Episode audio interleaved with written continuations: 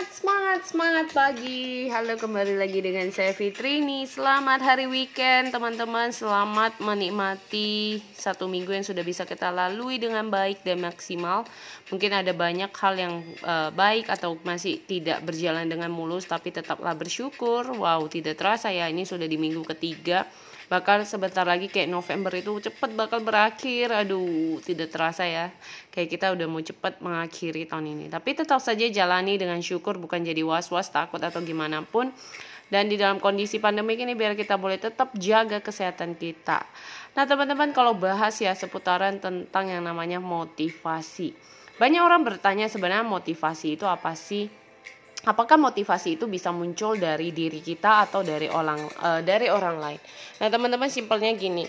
Kalau misalnya Anda ingin bisa mendapatkan buat anak-anak sekolah, Anda ingin mendapatkan nilai 9, itu mungkin tidak bisa dipaksa oleh orang lain ya ataupun orang tua kita bahwa kita cuma dikasih tahu kalau mau capai nilai bagus kita perlu belajar. Dan akhirnya kita memotivasi diri mungkin karena kita mau masuk ke sekolah ternama atau universitas ternama akhirnya kita harus berjuang untuk mencapai. Bukan harus ya wajib untuk berjuang mencapainya karena kita ingin bisa masuk ke sekolah atau universitas ternama ibu. Nah di situ kan kita diajari ya bahwa bagaimana memotivasi diri. Nah, motivasi itu dari diri kita. Kalau kita nggak punya motivasi, orang mau ngepus kita gimana pun, mau seorang motivator pun tidak bisa gitu.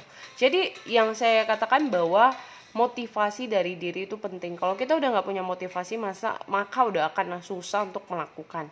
Nah makanya kadang orang ingin berubah itu perlu motivasi diri, nggak bisa dipaksa orang atau kamu mau konseling ke mana pun tapi diri kitanya nggak bisa termotivasi untuk mengubah diri kita maka akan susah. Sama halnya dalam menjalani kehidupan, dalam berbisnis juga sama. Kita harus punya motivasi sendiri, bukan motivasi leader kita, orang di sekitar kita, tapi motivasi diri kita apa sih menjalankan bisnis ini? Mungkin ingin dapat income pasif, ingin bisa punya uh, financial freedom, punya freedom time, punya waktu lebih berkualitas dengan keluarga, bisa membahagiain keluarga. Nah, itu motivasinya kita akan berjuang melakukan sampai segimanapun kita akan bisa melakukan. Jadi simpelnya kalau orang tanya ya motivasi itu seperti itu ya. Jadi nggak bisa gambarin secara gimana. But when you learn, when you feel, kamu akan tahu ternyata ini toh yang dinamakan motivasi di mana saya benar-benar berjuang habis-habisan. So buat teman-teman tetaplah berjuang, tetaplah termotivasi dari diri Anda sendiri apa yang ingin Anda lakukan, apa yang Anda ingin capai, apalagi di akhir akhir tahun dari 2021 ini. Semangat pagi.